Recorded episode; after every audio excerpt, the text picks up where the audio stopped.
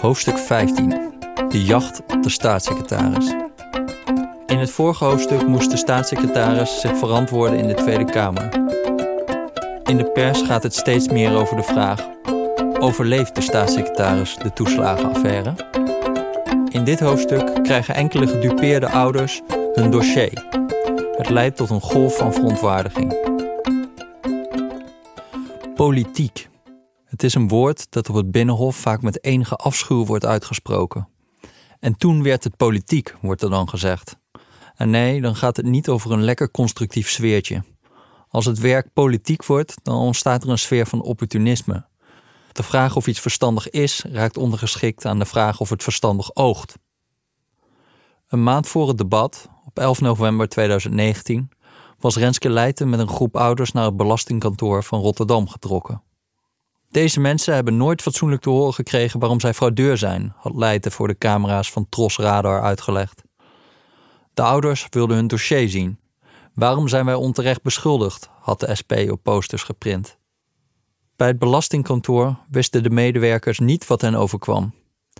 De deuren werden angstvallig dichtgehouden voor de stoetouders, totdat een woordvoerder van het ministerie van Financiën arriveerde. Hij beloofde dat de ouders binnen een maand hun dossier zouden krijgen. Maar wat kunnen de ouders eigenlijk wijzer worden van hun eigen dossier? Velen van hen zijn het slachtoffer van een frauderend gastouderbureau. Ze moeten alles terugbetalen omdat hun gastouderbureau fraudeerde met hun aanvraag, niet omdat zij zelf iets fout hebben gedaan. Dat is niet onduidelijk, maar oneerlijk. Bij de afdeling toeslagen worden na Leiters actie tientallen medewerkers ingevlogen om de dossiers op orde te krijgen. Dat blijkt niet eenvoudig. De persoonlijke informatie staat niet bij elkaar en moet uit meerdere systemen worden gehaald. Bovendien bevatten de stukken veel informatie over medewerkers van de Belastingdienst of andere burgers die, volgens de privacywetgeving, zwart moeten worden gelakt. Dat kost bijna 400 uur per dossier, zo zal de staatssecretaris later melden. Kosten zo'n 7000 euro per dossier. Maar het lukt. 10 december krijgen de ouders meerdere multomappen met hun hele dossier aangeleverd. En toen werd het politiek. Hashtag sprakeloos, tweet Renske Leijten die avond. Ze heeft een filmpje bijgevoegd van een ouder die door talloze zwartgelakte pagina's bladert. Twitter ontploft. Het filmpje wordt meer dan 300.000 keer bekeken. De hashtag afplakjesdag gaat al snel rond op Twitter. Nu denken ze er ook bij de ouders mee weg te komen, aldus Pieter Omtzigt op de radio. Menno Snel is dan net begonnen aan een marathondebat in de Eerste Kamer over zijn belastingplan, dat uiteindelijk iets meer dan 11 uur zal duren. De volgende ochtend staat Leijten klaar bij de regeling van werkzaamheden. Snel heeft dan al een Kamerbrief gestuurd met uitleg over afplakjesdag. De pagina-lange zwartgelakte stukken, waarna in tweets lijkt te worden verwezen, betreffen een rapport over een belastingcontrole bij een kinderopvanginstelling met informatie over omzet en loonsgegevens en een uitdraai van een zoekopdracht voor een groot aantal burgers, waarbij slechts één regel over de betreffende burger gaat, schrijft hij. Ook in een brief aan de ouders is het uitgelegd. Gedeelten van het dossier zijn zwartgelakt omdat hier persoonsgegevens en vertrouwelijke informatie over anderen dan u zelf staan. Die informatie kan niet worden gedeeld in verband met de privacy. Bij vragen kunnen de ouders een nummer bellen. Maar vrijwel niemand lijkt zin te hebben om naar die uitleg te luisteren. De wens om volledig te zijn en zich aan de privacywetgeving te houden, keert zich tegen de staatssecretaris. Dat de overheid schandalig omgaat met de pers of met mensen die om openheid vragen, daar hebben we het hier vaak genoeg over, zegt Renske Leijten tijdens de regeling van werkzaamheden. Maar dat er op deze manier met de ouders wordt omgegaan, ik wil daarover heel snel een debat met de staatssecretaris van Financiën. Ze krijgt bijval uit de hele Kamer. Een enorme schande, zegt Leonie Sazias van 50PLUS. Hoe krijgt de staatssecretaris het voor elkaar, zegt Henk Nijboer van de PvdA. Ik was verbijsterd, zegt Helma Lodders van de VVD. Bij de wilde spinnen af, zegt Evert-Jan Slootweg van het CDA. Leijten wil de volgende dag al debatteren, maar dat zien de coalitiepartijen niet zitten. Ze krijgen daarin opnieuw bijval van GroenLinks-Kamerlid Bart Snels. Ik heb aarzelingen om het debat van morgen te steunen, zegt hij. Waar ik wel erg veel behoefte aan heb, is om op basis van de brief van de staatssecretaris die we net binnen hebben gekregen, Leijten interrumpeert. Daar staat niks in. Snels, daarom heb ik er behoefte aan, mevrouw Leijten, om. Er staat weer niks in. Voorzitter Ariep breekt in. Heel even wachten, mevrouw Leijten. Gaat u verder, meneer Snels? Snels, daarom heb ik er echt behoefte aan dat wij als Kamercommissie nog aanvullende vragen kunnen stellen aan de staatssecretaris. Waarom zien die dossiers er zo uit zoals ze eruit zien? Waarom zijn die zwart gelakt? Kunnen we hem betrekken bij bijvoorbeeld een onafhankelijk oordeel van de ombudsman? Ik zou ook heel graag zo'n voorbeelddossier willen zien, zodat wij ook zelf kunnen controleren. Snel stuurt duidelijk aan op een debat na het kerstreces. Maar het debat komt al een week later op de agenda. Op de laatste dag voor het kerstreces, de drukste vergaderdag van het jaar, plant de Kamer vijf uur spreektijd in om het over afplakjesdag te hebben. De systeemwereld van de Belastingdienst botst ernstig met de leefwereld van de ouders. Ouders hebben tien keer geen gehoor gekregen bij de belastingtelefoon en beginnen van wanhoop te lachen nu ze naar dezelfde belastingtelefoon worden terugverwezen. Maar voor de Belastingdienst, die massale hoeveelheden aanvragen en verzoeken moet verwerken, is de belastingtelefoon de enige plek waar ze ouders snel kunnen helpen. Je kunt niet even voor 10.000 ouders een ander communicatietraject inrichten. Althans, niet zo snel. Dat geldt ook voor de dossiers. Ouders eisen natuurlijk antwoord op de vraag waarom ze zoveel geld moeten terugbetalen als ze zelf niets fout hebben gedaan. Maar het antwoord op die vraag valt niet uit de dossiers te halen. Dat antwoord staat in het wetboek en in de uitspraken van de Raad van State. Toch krijgen de ouders nu een dossier toegestuurd dat door de juristen van de Belastingdienst keurig volgens alle privacyregeltjes is gelakt. De taak van de juristen is met verve volbracht. Als in een rapport slechts één zin over de ouder gaat, dan wordt gewoon het hele rapport weggelakt op die ene zin na. Na afplakjesdag zal overigens witte lak worden gebruikt, dat oogt toch beter is door de staatssecretaris en de ambtenaren van de Belastingdienst wel nagedacht over wat ouders in hemelsnaam moeten met zo'n multomap vol ondergrondelijke documenten en zwartgelakte rapporten. Dat deze vrijgegeven dossiers de verwarring zouden vergroten, was natuurlijk te voorzien geweest. Het had ook voorzien kunnen worden door Kamerlid Renske Leijten, die er door de woordvoerder van Financiën al op was gewezen dat de dossiers geen antwoorden zouden bieden. Intussen is het NOS-journaal op bezoek bij een moeder van gastouderbureau Het Voortvarend Scheepje, bij de Belastingdienst beter bekend als CAF Tonga. Het gastouderbureau regelde voor haar de aanvraag van de kinderopvangtoeslag, die in de regel veel te hoog was, en de moeder betaalde geen eigen bijdrage. Ze bladert door een dikke multomap. Hier, kijk, mails naar elkaar toe. Eentje vraagt: Hoe gaat het met je zoon? Ze bladert verder. Een brief die ik ook al heb gekregen. Ja, die heb ik dus al. Weer verder. Hier, een krantenartikel.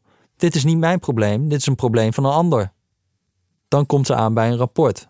Een bezoek aan Tonga staat op het voorblad. Kijk met een mooie tropische foto, zegt ze. Tonga is een piepklein eiland, heb ik gisteren uitgezocht. Ik weet niet wat ik met Tonga te maken heb. Ik ken Tonga niet. Een bezoek aan Tonga is niet een bezoek aan mijn huis. Ze verzucht. Ik weet nog steeds niet wat ik volgens de Belastingdienst fout heb gedaan. Bij talkshow Pauw is Renske Leijten te gast met twee andere ouders die ook hun dossiers hebben ontvangen. Pauw, Renske Leijten, dit houdt niet op, niet vanzelf. Leijten, nee, dat dacht ik ook. Er klinkt gelach in de studio. Pauw, de Belastingdienst probeert met dat weglakken zijn eigen falen weg te lakken. Leijten, ja, die indruk krijg ik ook. Ook de columnisten zijn nu helemaal klaar met de staatssecretaris. Menno Snel, het brekenpootje in dit met zwartlak bij elkaar gehouden kabinet, zit nog steeds op een kussentje van de fauteuil van Kleef Pluche, waarop hij zijn stinkende scheten mag laten, voetert Theodor Holman in het parool. Levens van de onschuldigen kwamen in botte gehaktmolens terecht, in vuilniszakken en in de goot, terwijl de knaagdieren van de criminele overheid aan de toeslagkadavers bleven knabbelen. Sheila Sitalsing zegt in haar gesproken column in het tv-programma Buitenhof dat het wat haar betreft ook klaar is met de brave ambtenaar Snel. Menno Snel beloofde dat de mensen altijd de belastingtelefoon kunnen bellen, zegt ze. De mensen lachten hem keihard uit. Menno Snel beloofde dat de mensen hun dossiers mogen inzien. De mensen toonden op tv ordners met volledig zwartgelakte pagina's en nul informatie. En nu moet Menno Snel voor het kerstreces nog één keer aantreden in een getergde Tweede Kamer.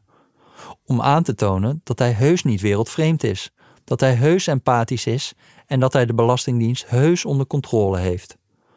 Als hij het overleeft, is dat louter omdat de coalitie leuk de kerst door wil komen.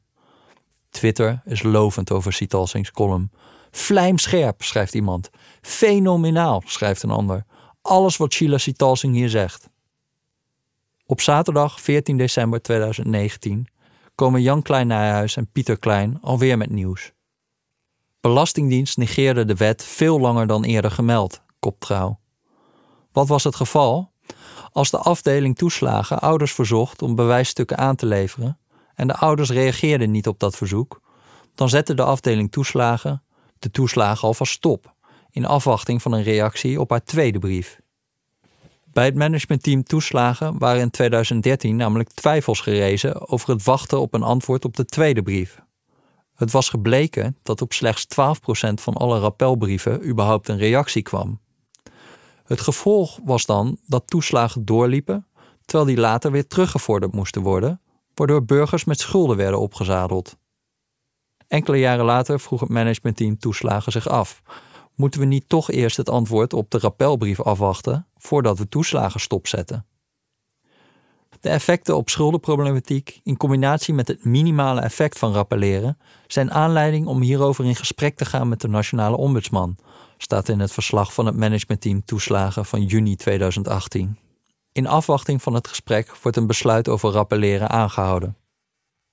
Een jaar later werd na een advies van de eigen juristen in het managementteam toeslagen geconstateerd dat de wet simpelweg voorschrijft dat het antwoord op de tweede brief moet worden afgewacht en niet meteen mag worden stopgezet. Het managementteam besloot hierop om de processen weer terug te draaien. De Belastingdienst is veel langer doorgegaan met het onwettelijk behandelen van ouders dan Menno Snel heeft beweerd, schrijft Pieter Klein hierover. Kamerleden reageren woedend na de berichtgeving van Trouw en RTL. Henk Nijboer van de PvdA zegt dat wat hem betreft de maat overvol is. Op 15 december, de zondag voor het debat, belt GroenLinks-Kamerlid Bart Snels naar de staatssecretaris. Zijn partij zal een motie van wantrouwen dit keer steunen, vertelt hij. Hij is niet voornemens nogmaals een moeizaam debat aan te gaan in zijn eigen fractie. Er klinken ook steeds meer klachten over het gebrek aan zichtbaarheid van GroenLinks op dit belangrijke dossier. Er komen klachten binnen van partijleden die geschokt zijn door wat ze in de media horen en hun partij een gebrek aan daadkracht verwijten. Snels ziet het nu ook niet meer zitten de staatssecretaris te verdedigen. Het is Jesse Klaver, niet Bart Snels, die de dag voor het debat in de media verschijnt. Het vertrouwen in Menno Snel heeft na het nieuws van afgelopen zaterdag een grote deuk gekregen, al dus de fractieleider van GroenLinks. Hij is geen onderdeel meer van de oplossing. Die maandag ontvangen Renske Leijten en Pieter Omzicht van het tv-programma 1 Vandaag de prijs voor politieke prestatie van het jaar. Ik vind het ook erkenning van een advocaat en twee hele goede journalisten van RTL en Trouw, zegt Renske Leijten in de uitzending van de uitreiking. Als we dat samenspel niet hadden gehad, dan hadden we dit niet boven tafel gekregen. Den Haag, Tweede Kamer, woensdag 18 december 2019. Menno Snel loopt door een Haag journalisten naar de plenaire zaal. Het felle cameralicht schijnt op zijn bleke gezicht, terwijl roze, gele en blauwe plopkappen onder zijn neus worden geschoven. Is het nog goed te praten, meneer Snel? Snel loopt door. Bam! Met een ferme klap van de hamer opent Kamervoorzitter Khadija Ariep de vergadering. De tribune zit weer vol met ouders. De staatssecretaris heeft mij gevraagd om als eerste het woord te mogen voeren, zegt Ariep. Menno Snel knikt naar de voorzitter, legt zijn pen neer, schudt zijn papieren recht en gaat achter het spreekgestoelte staan. Twee weken geleden stonden we hier ook, begint hij. De staatssecretaris maakt nogmaals zijn excuses aan de ouders en vertelt over de recente zwartlaksaga. Helaas weer een typisch voorbeeld van een belastingdienst waar de menselijke maat niet de boventoon voert, verzucht hij. Ik weet, en wij allemaal weten, er zullen nieuwe incidenten komen. Er zullen nieuwe problemen ontstaan. Er moet ruimte blijven om fouten te maken. Want echt, voorzitter, Kamer, die gaan komen. En hier wringt de schoen voor mij. Ik wil niet een politicus zijn of worden die op elke golf van publieke verontwaardiging of applaus meelift. Vandaag kan ik in ieder geval zeggen dat ik trouw ben gebleven aan mezelf. Ik wens uiteindelijk iedere politicus toe dat hij of zij dat ook tegen zichzelf kan zeggen op het moment dat zijn of haar politieke einde daar is. Iedereen in de zaal weet wat er nu gaat gebeuren. Vanmiddag zal ik de koning verzoeken mij ontslag te verlenen. Er klinkt een gekletter van klikkende camera's. Stefan Kolen, de chef politieke redactie van RTL, twittert vanaf zijn iPhone. De jacht is gesloten.